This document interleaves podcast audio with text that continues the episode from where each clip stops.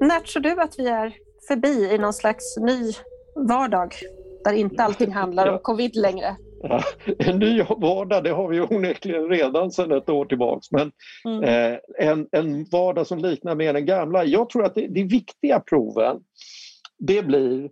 Eh, nu har ju liksom Israel visat att ja, det verkar som man kan få kontroll på det här med, med via en, en massvaccination. Det talar för att vi kommer att se samma sak i Sverige. Skillnaden är att vi kommer att använda många olika vaccin.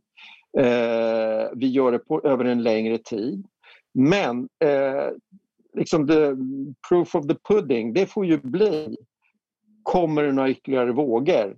Eller eh, är det så att vi faktiskt har stoppat de här vågorna? Och det tror jag Dels så kommer vi se, därför att mm, om det här viruset nu som aldrig beter sig som man gissar utan det hittar alltid nya sätt att mm, uppträda.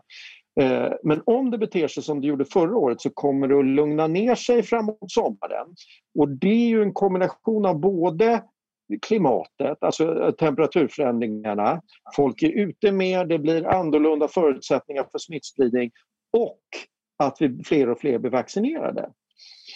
Vi såg ju i höst här, eh, någonstans runt augusti, att det började stiga i Europa med smittspridningen.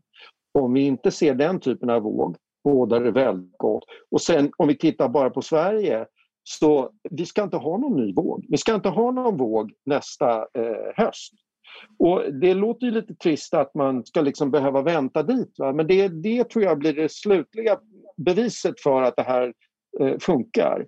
Men jag, jag skulle gissa att när, runt sommaren så kommer det nog, i och med att det är mindre smittspridning och fler vaccinerade, så är det nog, börjar det nog likna Ja, normalt vet jag inte vad normalt är längre men ja, mm. att det, mm. det, blir lite bättre i alla fall. Det skulle jag tro. Så sommaren det, det är jag lite hoppfull inför i alla fall.